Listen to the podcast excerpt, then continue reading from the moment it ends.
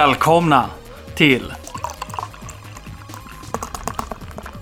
Camouflage nummer... Jag vet inte.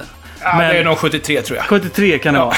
Och som samtidigt är inte mindre än Yahoo! fem års jubileumet av detta otroliga radioprogram som vi kallar för Camouflage. En podcast som är ditt stöd, din livlina här i världen.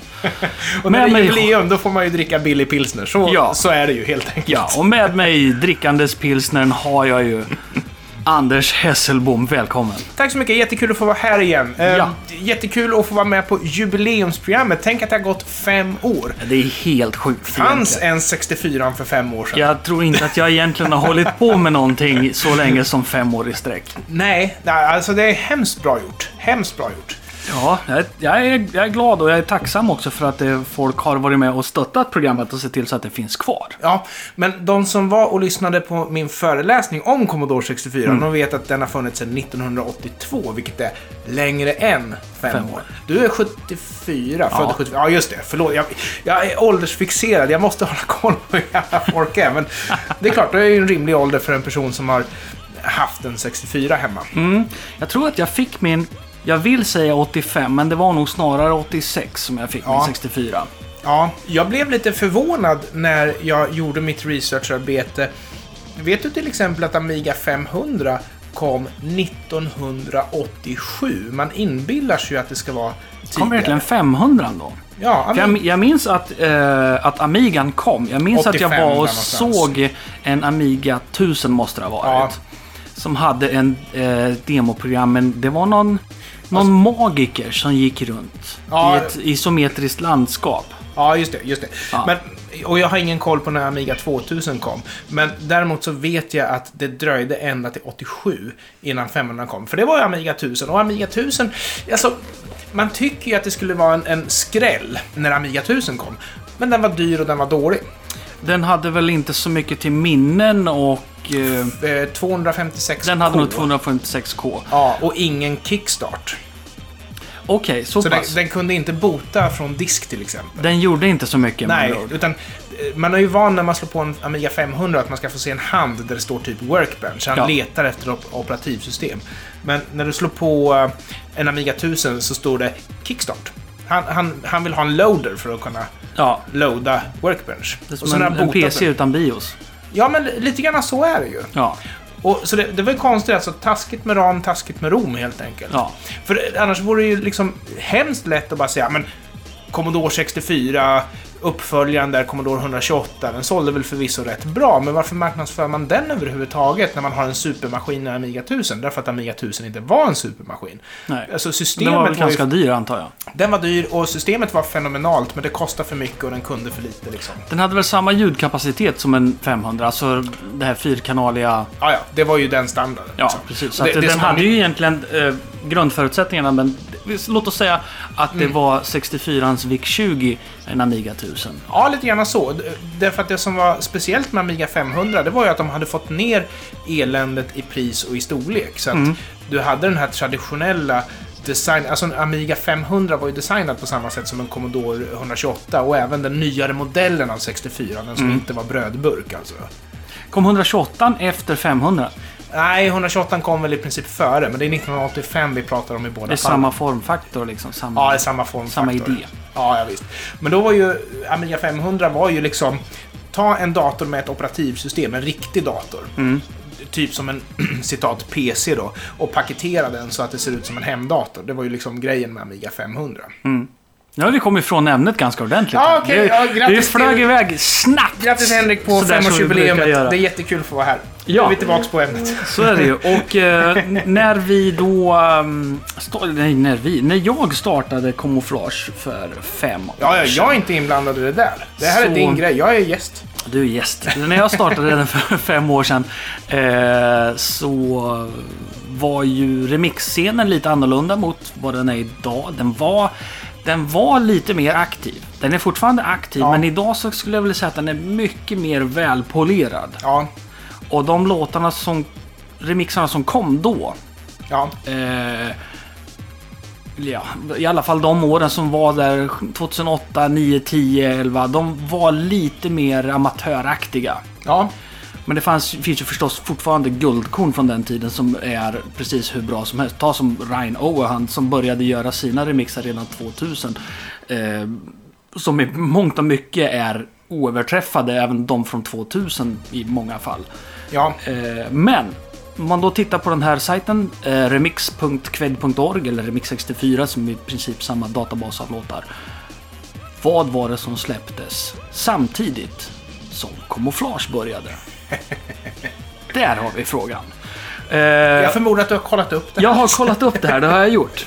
Och det var alltså då den 8 eh, oktober 2011. Då släpptes det ingen låt. Men precis före det så släppte Peter Clark en remix av en låt av Peter Clark. Härligt! Nämligen Ocean Loader 3. Och eh, han eh, har alltså då tagit sin egen Ocean Loader 3 SID och eh, tagit in den i 2000-talet. Och det vi ska lyssna på här är en av de två remixarna han släppte. Det är 21st Century SID Remix av Ocean Loader 3 av Peter Clark av Peter Clark.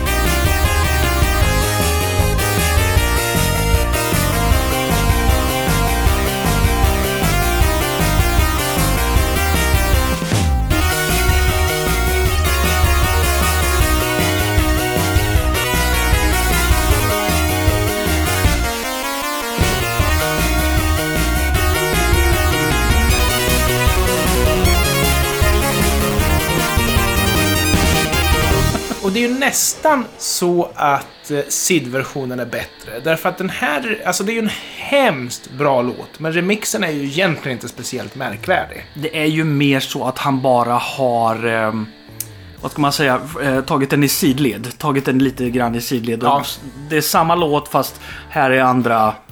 Ett annat sätt det att med- göra den på. Spela in det med modernare utrustning och sånt där. Ja.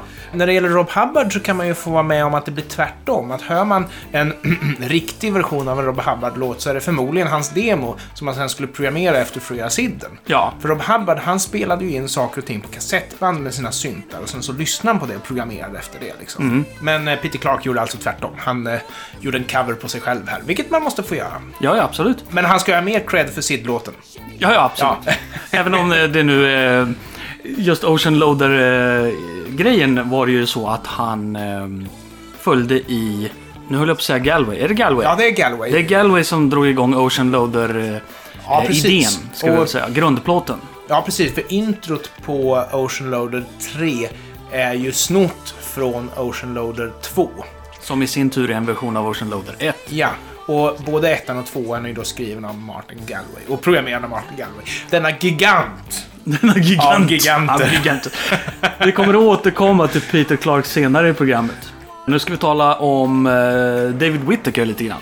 Ja, inte Roger Whittaker som du sa förut när vi pratade. Inte Roger Whittaker. precis. Vad var det för låt du sa Roger Whittaker Eh, hade? Han var ju känd för Streets of London bland annat. Men menar, folkvisesångare. Om du går och gräver i loppisskivor då hittar du 40 000 miljarder, exakt 40 000 miljarder Roger Mm. Whittaker-skivor. Ungefär samma dosering som du har av Vikingarna och, och Ingmar Nordströms, vad sa du, sexparty?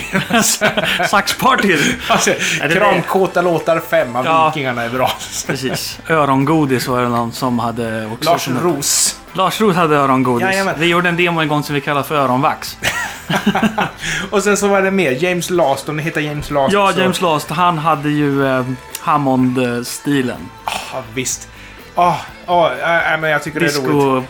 Vet att det, det Beach finns Party. skivor som James Last har gjort som är bra, men de försvinner lite grann i mängden alltså. För de ligger och förökar sig i loppisbackarna alltså. Är det verkligen så att James Last gjorde så fruktansvärt många skivor? Ja. Eller är det så att hans skivor återutgavs hela tiden i olika former av kompilationer med andra namn? Nej, jag, ja, det händer ju naturligtvis också. Men, men jag har funderat lite grann på det där. Hur kommer det sig att... Eh, jag, jag menar, Elton John som var en fenomenal artist alltså, som ägde i princip 2% av hela musikbranschen under en period på 70-talet. Att hans skivor finns i loppisbackarna för några spänn idag. Medan Queen, som var ungefär lika stora, deras skivor är ju svindyra idag. Så vad är det som gör det? Jo, och tittar man då på Thriller med Michael Jackson. Ja, då kan man ju säga att, att den dyker upp för billiga pengar också. Världens mest sålda skiva.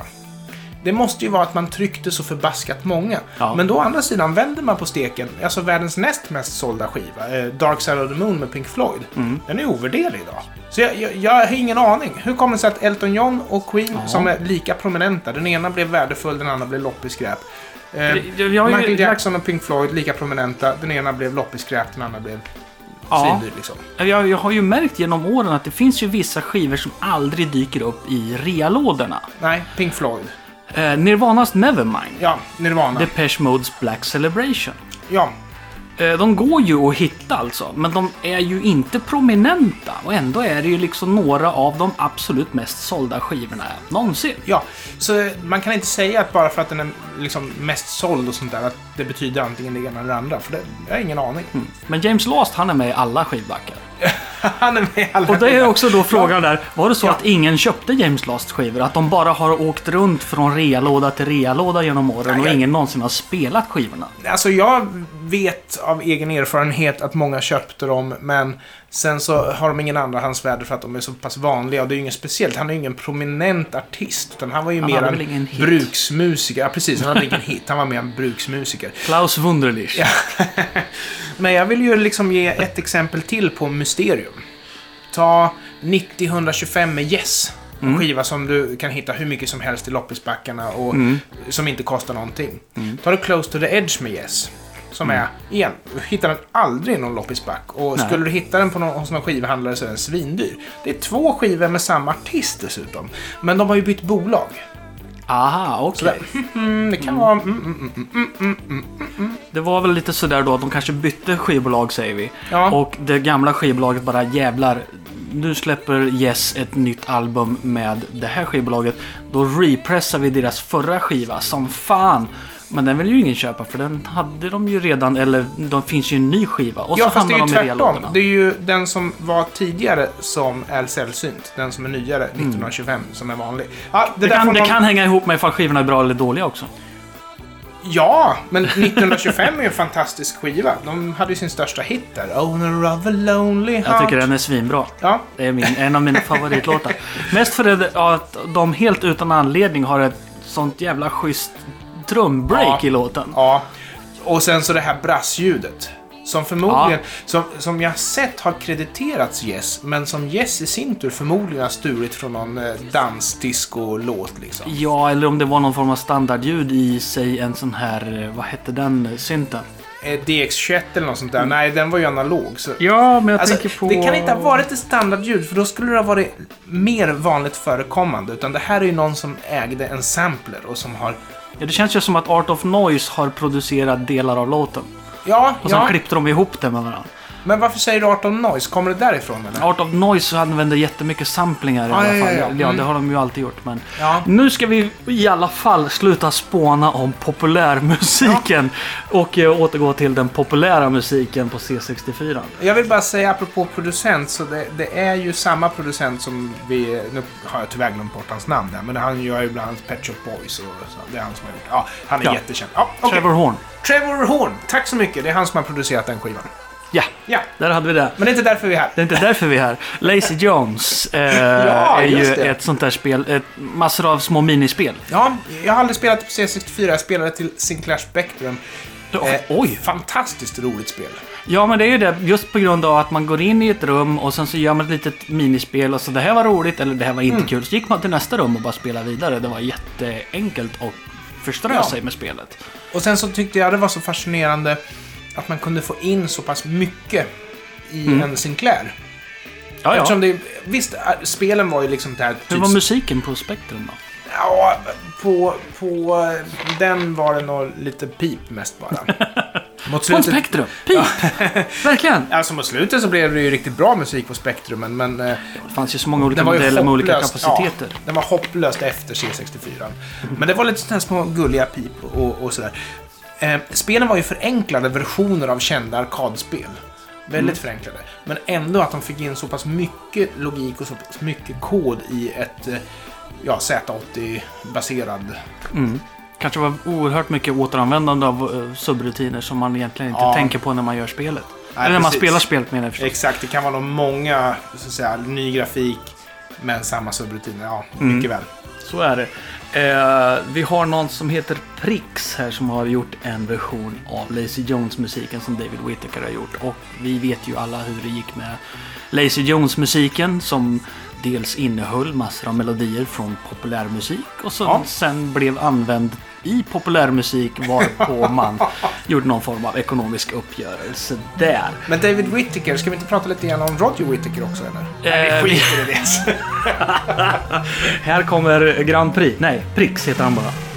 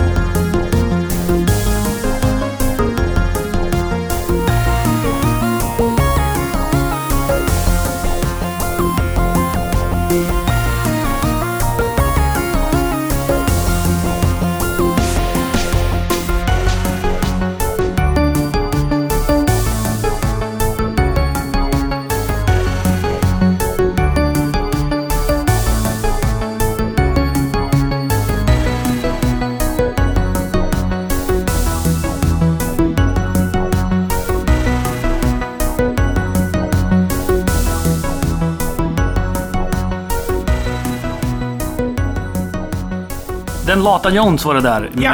Med, eh, med pricks. Av David Whittaker från början. Som vi, inte Roger Whittaker som en helt annan individ. Ja, ja. Så, så vitt vi vet i alla fall. Men jag tyckte inte han var så lat den där Jones. Han sprang ju runt och höll på och spelade och väldigt mycket spel. Men han var ju inte i skolan.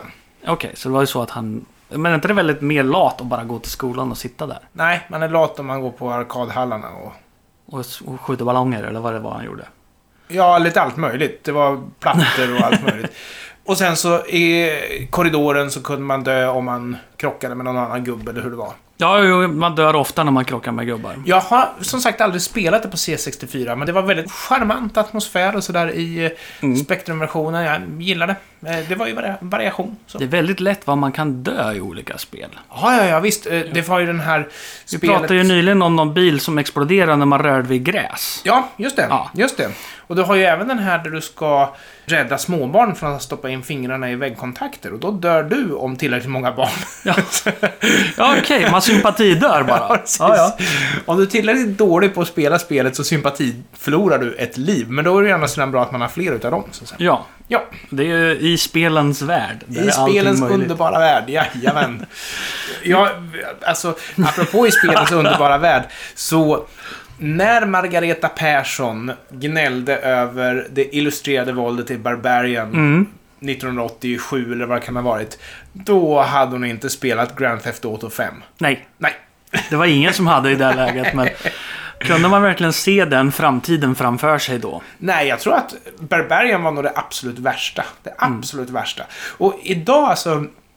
Det Tänk dig- verklighetstrogna våldet. Exakt, det illustrerade och ver- verklighetstrogna våldet. Idag tänk dig omslaget på spelet Barbarian som kom i flera versioner. Det var ju Mm. Maria Whittaker och någon snubbe som stod där. Och Maria Whittaker hade ju inte jättemycket kläder på sig. Och du kommer kanske till och med ihåg hur datamagasin kunde se ut på omslagen eftersom de tog ju Ja, ja. gärna spelomslag och sådär. Det var, det var mycket lättklädda tjejer. Men problemet var att det var illustrerat våld. Ja, Oj, tiderna har förändrats. Oj, tiderna har förändrats sedan 80-talet. Ja, fasen. Eh, det här mer abstrakta spelandet, eller vad ska man säga, abstrakta spelandet. Eh, nu när man har mycket av den här typen av pusselspel som Candy Crush och så vidare. Ja, just det. Där är det ju eh, inte våldsamt på det sättet och det är inte karaktärer inblandade egentligen. Så. Nej, det är ju pusselspel, abstrakta spel. ja. Ja. Men den typen av spel fanns det inte så mycket av på den tiden. Nej, jag, jag kommer ihåg att det var lite grann en stor grej när spelet Logica kom, där du skulle ha kulor och bollar och som skulle in i fack. Och då hade du Mm. det här spelet där det var atomer du skulle styra och något sånt där. Men det var, det var väldigt begränsat. Det här eh, Rock'n'Roll eller vad det hette, där det var en gubbe som hoppade på brickor för att göra färgkombinationer, var ju på gränsen till ett Mm. abstrakt spel. Men nu pratar jag bara Amiga-spel faktiskt, kommer jag på. Jag tror nästan att Tetris var väl en Ja. sorts, sorts gräns emellan liksom det här att Mm. här kom det något spel som bara handlar om färger och former och... Ja. Te- Tetris var ju med all rätt en världssuccé, men då var ju 64 nästan uträknad redan. Mm. Liksom. För det var väl han, ryssen som programmerade där, gjorde väl det till eh, DOS tror jag faktiskt. Jag tror att det första var DOS, ja. Ja, sen portades det ju till precis allting i hela världen, för det var Mm. en sån braksuccé. Men Gameboyet var väl... Mm. Det stod ju och levde nästan på Tetris. ja, sen så kom ju även eh, Dr. Mario och Mm. Alla de här spin-off-spelen. Alla varianterna. Och, Ja, visst. Men och te- tre- in- 3D-Tetris och Ja. allt sånt där spännande. Och många av dem var ju roliga. Eh, Jewel och de här. Men, men inget klår ju riktiga Tetris. Alltså, när jag pendlade jobbet på 90-talet. Alltså, jag hade ju i min lilla Ericsson-telefon. Så man la, det var ju två textraders grafik i den. Ja. När jag la den på sidan så kunde den visa Tetris. Ah. Åh jäklar vad jag spelar Tetris. Alltså det, åh, jag, jag fick så mycket poäng på Tetris. Om jag skulle få lösa in dem till kronor idag. Mm. Då skulle jag ha många kronor. Då skulle du ha många kronor. Helt otroligt tekniken går framåt. Man får fortfarande inte några kronor för att spela spelen. Man får betala kronor. Ja, Ja, det är ju en design flaw får man ja säga. det, precis. Man får betala för att få liv istället för att få pengar för att man inte gör av med liv kanske. Nåväl. Nåväl. Vi försöker gå vidare här i programmet. Vi spånar ut i rymden när vi talar om saker och ting. Men en av våra absolut godaste vänner här på Camouflage är ju förstås Johan Andersson. Johan Andersson fortsätter att leverera ny, fin, underbar, toppen musik. Och nu senast så har vi valt att vi ska lyssna på hans Cybernoid vs Parallax. Parallax är ju ett soundtrack med flera väldigt långa låtar. Jag tror Ja. att en låt är 11,5 minut. Ja. Och någon är över 6 minuter långa. Och de är jätteflummiga och spacar ut. ja, men det ska ju vara lite spacigt liksom. Ja, Ja. och det är ju förstås några av de mest fantastiska 64-låtarna. Ja. Tillsammans med just Cybernoid då, av Jeroen Tell, mannen Ja. vars namn ingen vet hur det ska uttalas. Nej, men han är ju fantastisk också. Parallax är ju kanske mest känt för att det har gett namn åt en specialeffekt. Mm. Som förekom i spelet Parallax. Ja, parallax-scrollning. Parallax-scrollning. Och I det används till och med i filmbranschen idag. Så det var ju, har ju fått enormt genomslag. Ett oerhört lätt sätt att göra ett, få ett djup Ja. helt enkelt i bilder i och med att du lägger ett antal mm, ytor Ja, ovanpå i, varandra. I det här fallet var det bara två. Ja, och så låter du dem röra sig i sidled i olika hastigheter beroende på hur långt bak de är. Ja, ja. Vilket ger eh, människans uppfattning om att här finns det ett tredimensionellt djup. Och det var ju inte första gången vi såg det i Parallax, men i och med att Parallax är ett namn som skulle kunna användas för att beskriva effekten, så fick spelet Parallax ge namn till den effekten. Och eh, jag skulle säga att den mest kända utövaren utav det skulle ju vara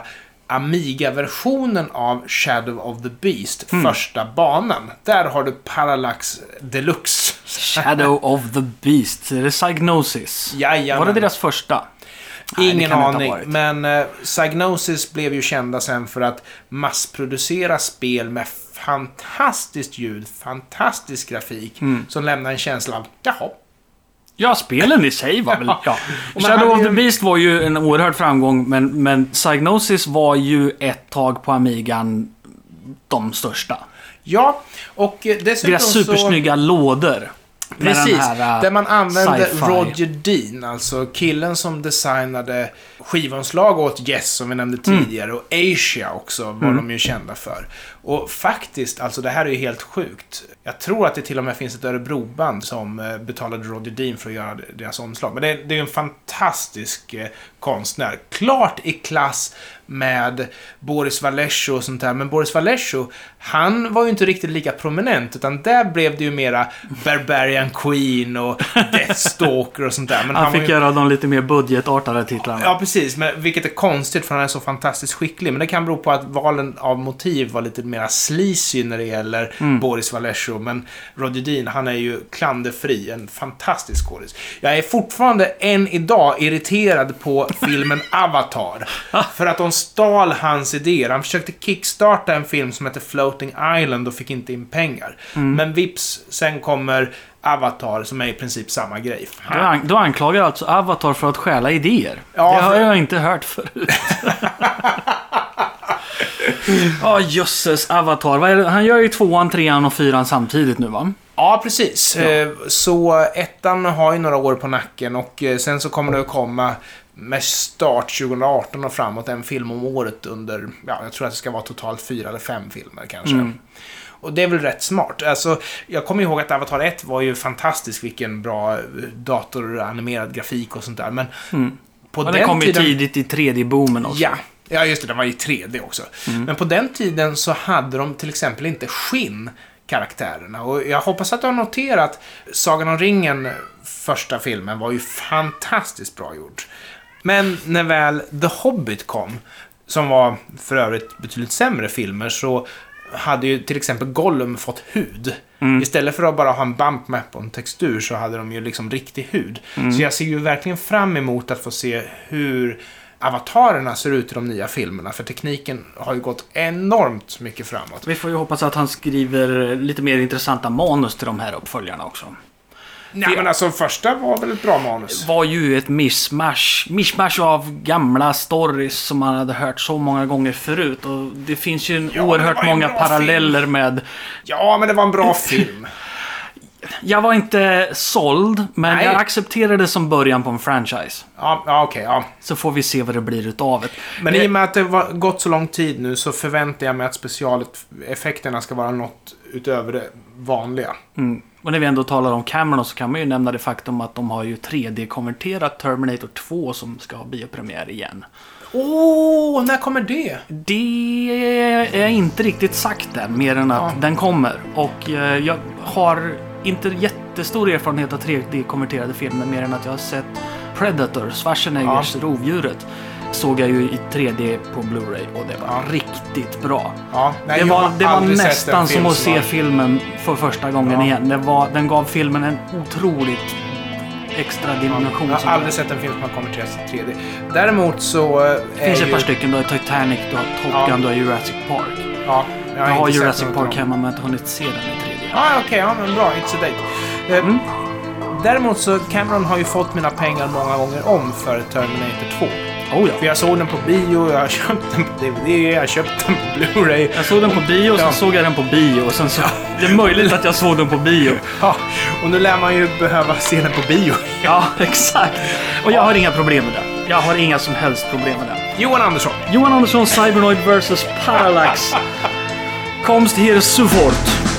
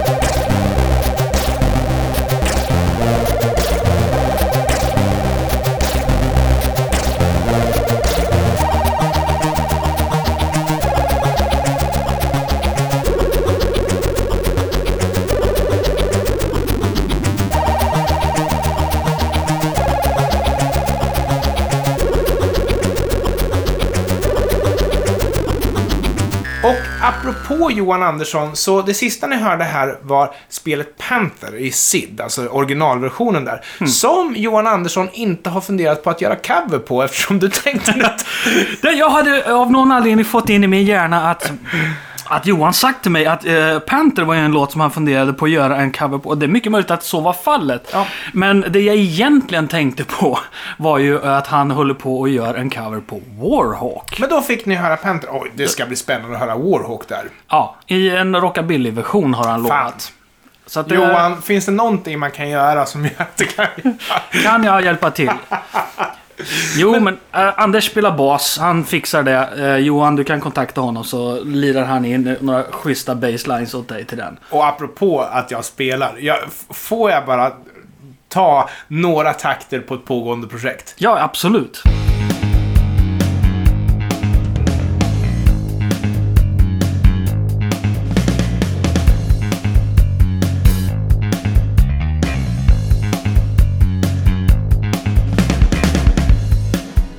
Det här var början på soundtracket till spelet The Nine Moons. Som jag aldrig hört talas om. Nej, Ingen har hört talas om den. Den finns inte med på c64.com eller någonting. Men nyligen så har den dykt upp i High Voltage SID Collection. Alltså den här databasen över alla SID-låtar som eh, förvaltas av, jag vet inte vem, men den har dykt upp där. Och jag spelar det här spelet som en tok. Du är en kille i rymddräkt som är ute och flyger i rymden med ditt jetpack eller vad det är. Och du mejar ner saker och ting. Och du är tre personer i ett team. När du har förbrukat den första, att han har dött, då får du styra den andra. Och Du har liksom- alltså inte fler liv den här gången, Nej, så man- som vi talade om Nej, tidigare. precis. man har inte fler liv, utan Oh no, we lost Mike kan man säga, så får man styra en annan spelare. Och eh, den har cutscenes, den har en story, den har en endscene. Och det är ett fantastiskt stort och svårt spel. Jag kom aldrig speciellt långt, men bara själva grejen att som liten sitta med styrspaken och veta att man kunde åka genom värld efter värld i det här spelet. Jag älskar spelet och jag vet inte varför det inte är så känt. Men eh, någon måste ju dra lasset och göra en remix på låten. Ja, ja, absolut. Ja, ja, visst. Och märk väl att jag hade samplat in gitarren där också. Det måste bli lite gitarr också. Ja, ja, absolut. Det är helt okej att använda sig av så kallade riktiga instrument när man, när man gör musiken. Men det här spelet The Nine Moons som jag... ehm, vi tittar lite snabbt på YouTube. Ja. Och det är ju ett fult spel. Ja, ja. Kan man väl helt enkelt säga. Det ser väldigt monokromt ut. Eller det var helt monokromt. Ja, det var ju det. Alltså, spritesen var i multicolor, men bakgrundsgrafiken var av någon anledning i högupplöst monokrom grafik, vilket inte är speciellt vanligt på C64. Alltså, Mm. Starquake gjorde det här skitbra. Då hade de liksom delat upp skärmen i ett rutnät om 8x8 pixlar så att färgsättningen stämde överens med det här rutnätet. För Mm. du kan ju i den monokroma läget ha en character map som styr bakgrundsfärgerna. Mm. Men anledningen till att man på C64 vill komma åt det här lågupplösta multicolor-läget är att du kan blanda färger hur du vill.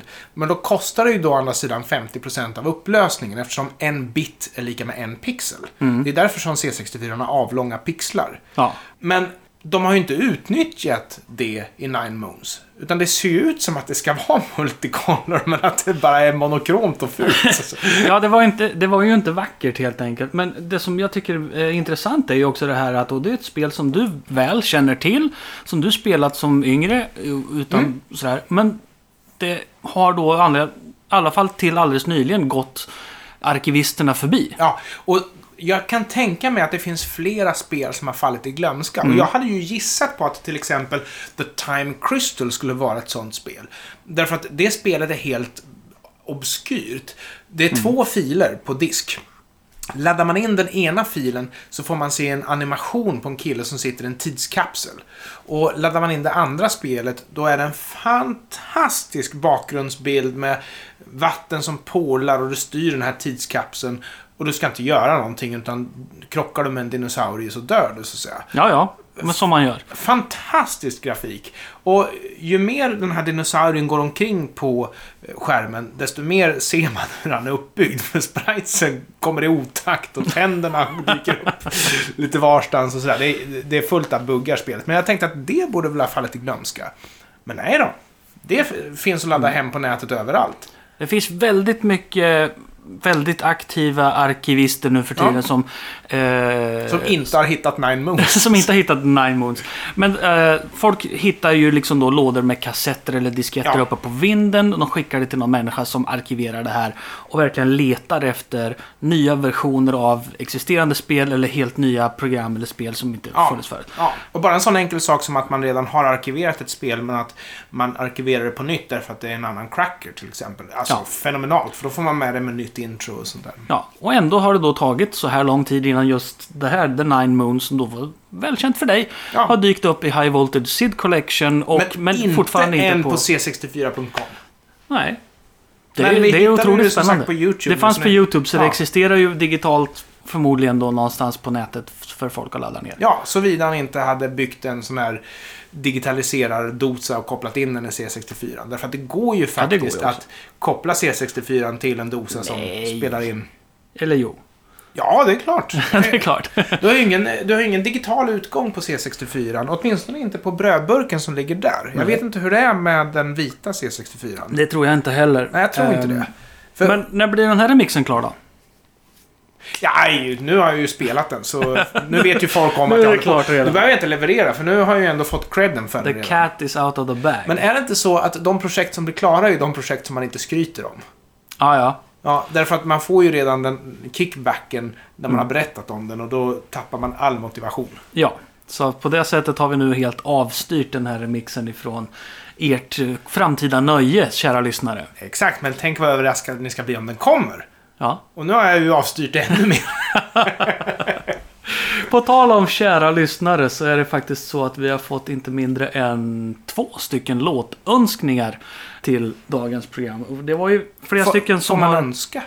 Jag, har, jag, jag la ju ut så att säga en lite, ett litet meddelande på Facebook och lite så. Där jag skrev att vi, hade, vi ska spela in det här programmet och om det är någon som har något trevligt att säga så kan de ju säga det. Ja, okej. Men ingen hade något trevligt att säga, utan det var bara att de ville höra vissa låtar. Jo men de hade trevligt säger jag. Ja, okej. ja. Så här var det. Det är en, en eh, trevlig herre som heter Mikael Eriksson. Nu sitter du med din Android-telefon och, Och läser innantill på Ja. Facebook här. Du vet att här hemma så kör vi Windows. Men okej, ja, du är ursäktad. Ja, ja, jag är ursäktad. Så att just och svor över en grej som inte funkar i min Windows-surfplatta. Förlåt. Ja, kör på. Mikael Eriksson säger fem år stort grattis. Hej Mikael. Nya avsnitt är alltid ett välkommet avbrott i vardagen. Och Ja. något som sätter färg även på den gråaste dag. Och idag är det rätt grått alltså. Ja, det är ju det. Och kallt. Och kallt. Önskelåt. Jag gillar intromusiken till Bubble Bobble. Mm, mm. Och då är vi tillbaka på Peter Clark igen som var den som vi öppnade programmet med. När Peter Clark gjorde Peter Clark. Ja, just det, just det. Ja. Jag vill skjuta in att min vän Erik Sandberg har portat Bubble Bobble till Pico 8 som är en virtuell spelkonsol. Vad hette den sa du? Pico 8, P-I-C-O-8. Så man kan alltså nu för tiden spela Bubble Bobble på Pico 8. Ja, förlåt att jag Okej, avbröt. Ja, men jag, jag, jag känner inte till den här Pico 8. Det är kanske någonting vi skulle kunna... Det där måste vi återkomma till. Det får vi återkomma Den till. har ljud, så det är värt att återkomma till den. Ah, jag förstår. Ja. Vi fick eh, en önskning till som kommer att följa på eh, Bubble Bobble här. Och det är en av våra kära lyssnare som heter Roger W.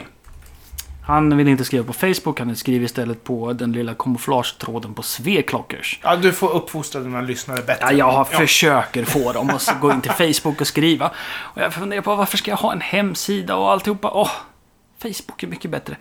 Nåväl, eh, så här är det Roger W. Han säger, han brukar kommentera programmet. Han är en väldigt eh, trevlig lyssnare. Han säger nice. Tummen upp. Kul att ni håller detta program levande så man kan få sin nostalgidos påfylld då och då med en twist. Ja. Ja, 64-låtarna fast remixade. Ja, ja, ja, ja. Givetvis, givetvis. Bra där, Roger V. Ja, och han säger kör spår 9 från Whizball-soundtracket. Det går fort. Och då lyssnade vi på spår 9 från Whizball-soundtracket. Ja, jo, men vi kör väl den.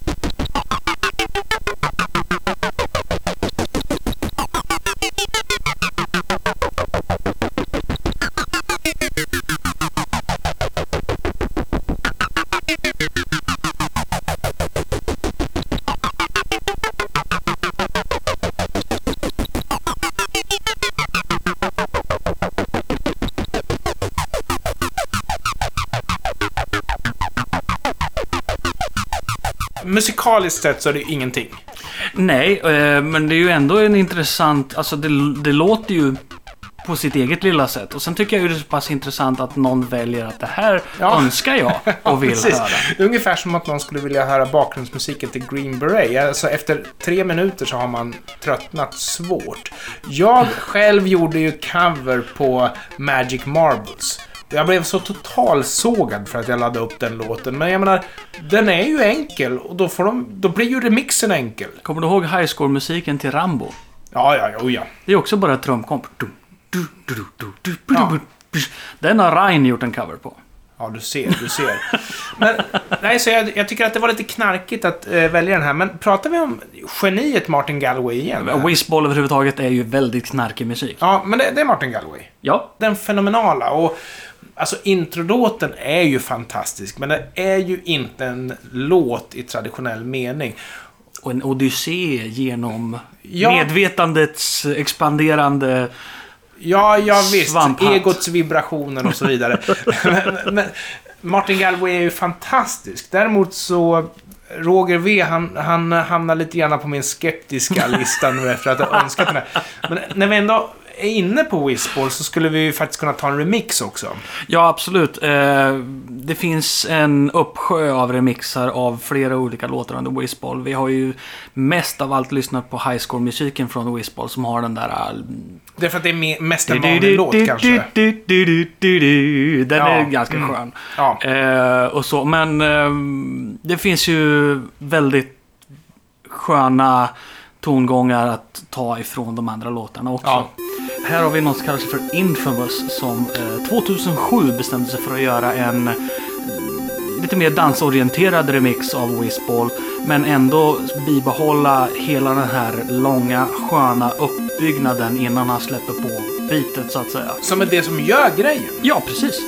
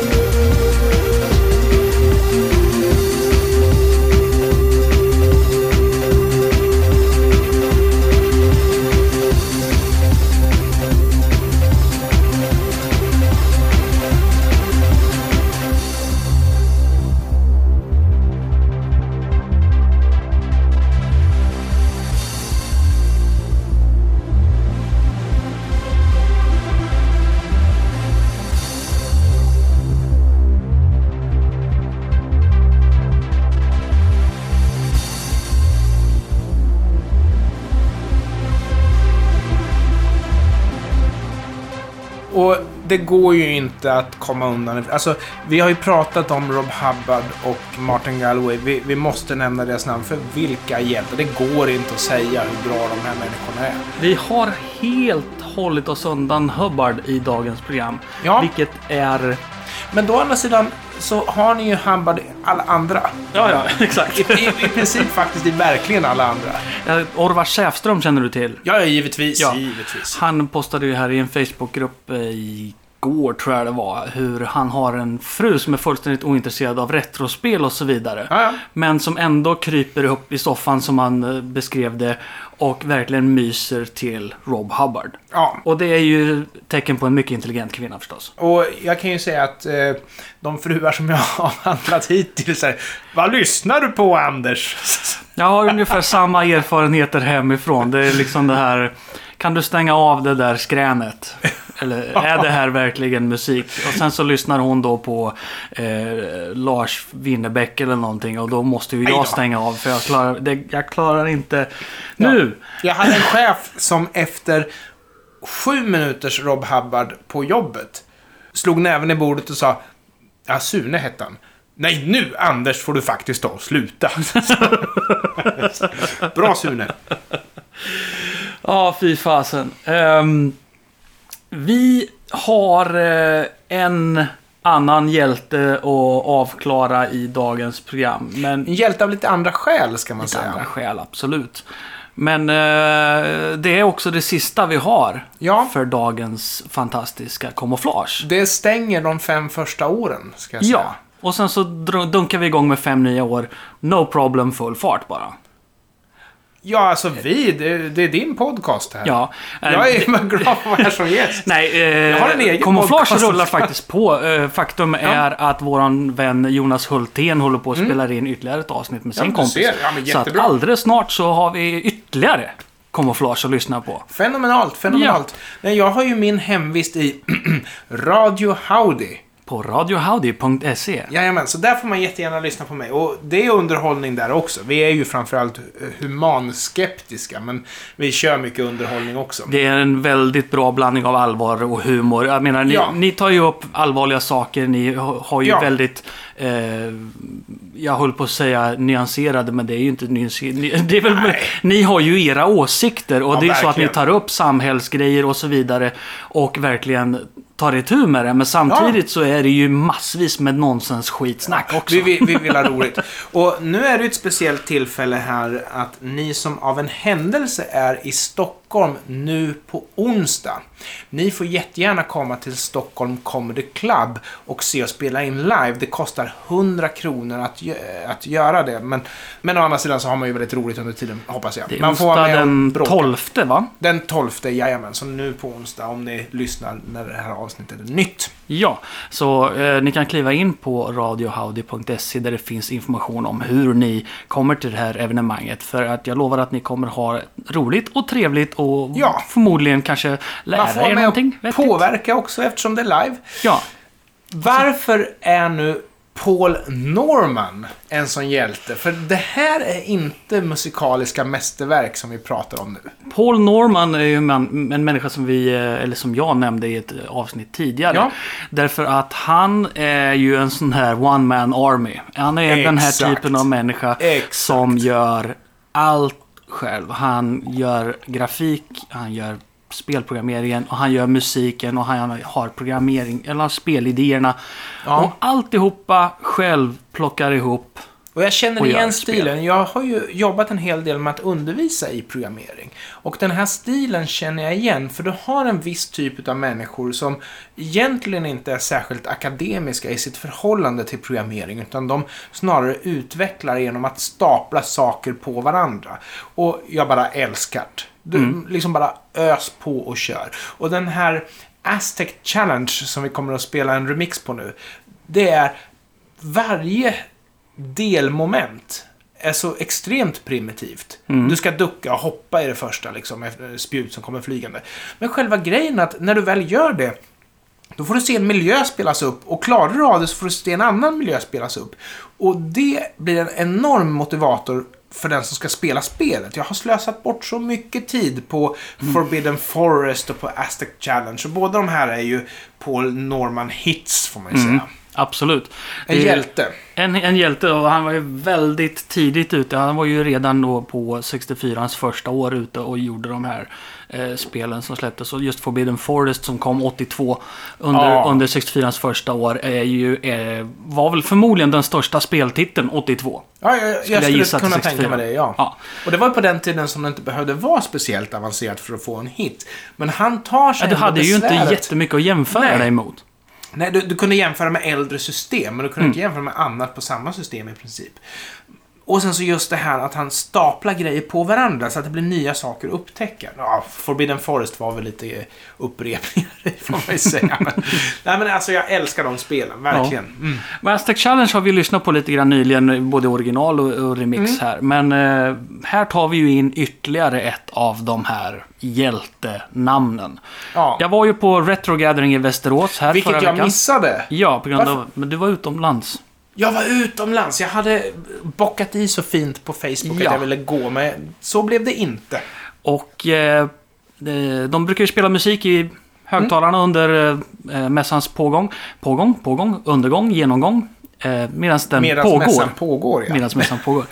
Och eh, den här gången så hade man en eh, stor samling med eh, 64 remixer som gick. Bra. Och det är ju jättetrevligt. Bland det första man kommer in är liksom Instant Remedies, Gianna Sisters och så vidare. Det är Ja, jättetrevligt. men instant remedy. Ja, ja. Men det, det funkar. Ja, visst, det funkar. Ja, men så kom det då ett helt gäng med remixar av Ryan Owerhand. Ja, Och då tänkte jag, now we're talking. Ja.